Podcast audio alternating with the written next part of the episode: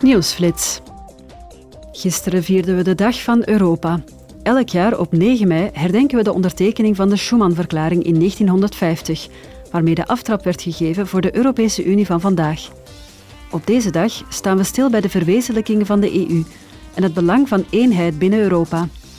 Gisteren, tijdens de plenaire vergadering in Straatsburg, zei parlementsvoorzitter Roberta Metsola: The fundamental pillars of hope de fundamentele pijlers van hoop, kansen, vrijheid, democratie en de rechtsstaat maken dit politieke project uniek.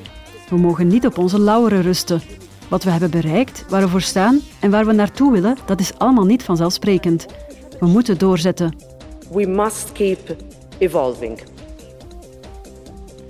De Duitse bondskanselier Olaf Scholz was ook aanwezig in de plenaire vergadering en deelde zijn visie over de uitdagingen en de toekomst van Europa. Hij benadrukte daarbij het belang van de groene transitie. Welke chance deze Aufbruch voor Europa brengt, moet ik Ihnen niet erklären. Ik moet u niet vertellen wat voor unieke kans dit is voor Europa. Maar het is belangrijk dat onze burgers dit ook ondervinden in hun dagelijkse leven. Bijvoorbeeld doordat elektriciteit uit hernieuwbare bronnen goedkoper wordt. Doordat er in heel Europa voldoende laadstations komen voor elektrische auto's en vrachtwagens.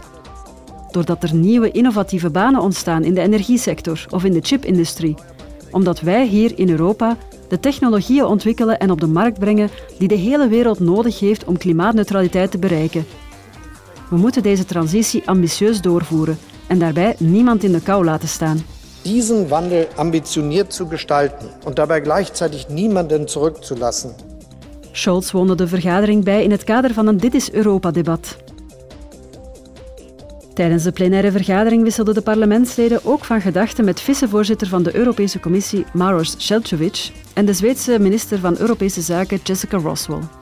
Op tafel lagen voorstellen om de regels voor de economische governance van de EU te hervormen. Tijdens het debat benadrukte vicevoorzitter Šefčovič het volgende. Public debt uh, has surged and so have our investment needs. Onze overheidsschulden nemen toe, maar ook onze behoefte aan investeringen, een snelle groene en digitale transitie, onze veiligheid en defensie en veerkrachtigere industriële toeleveringsketens.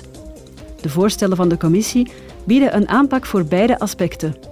Enerzijds is het doel om de schulden stapsgewijs en gelijkmatiger terug te dringen, en anderzijds duurzame en inclusieve groei aan te moedigen via investeringen en hervormingen but steadier reduction in debt level and to boost sustainable and inclusive growth through investment and reforms. De parlementsleden lichten hun prioriteiten toe op het vlak van deze hervorming. Het Stabiliteits- en Groeipact is een pakket regels dat ervoor moet zorgen dat de EU-landen naar gezonde overheidsfinanciën streven en hun belastingbeleid op elkaar afstemmen.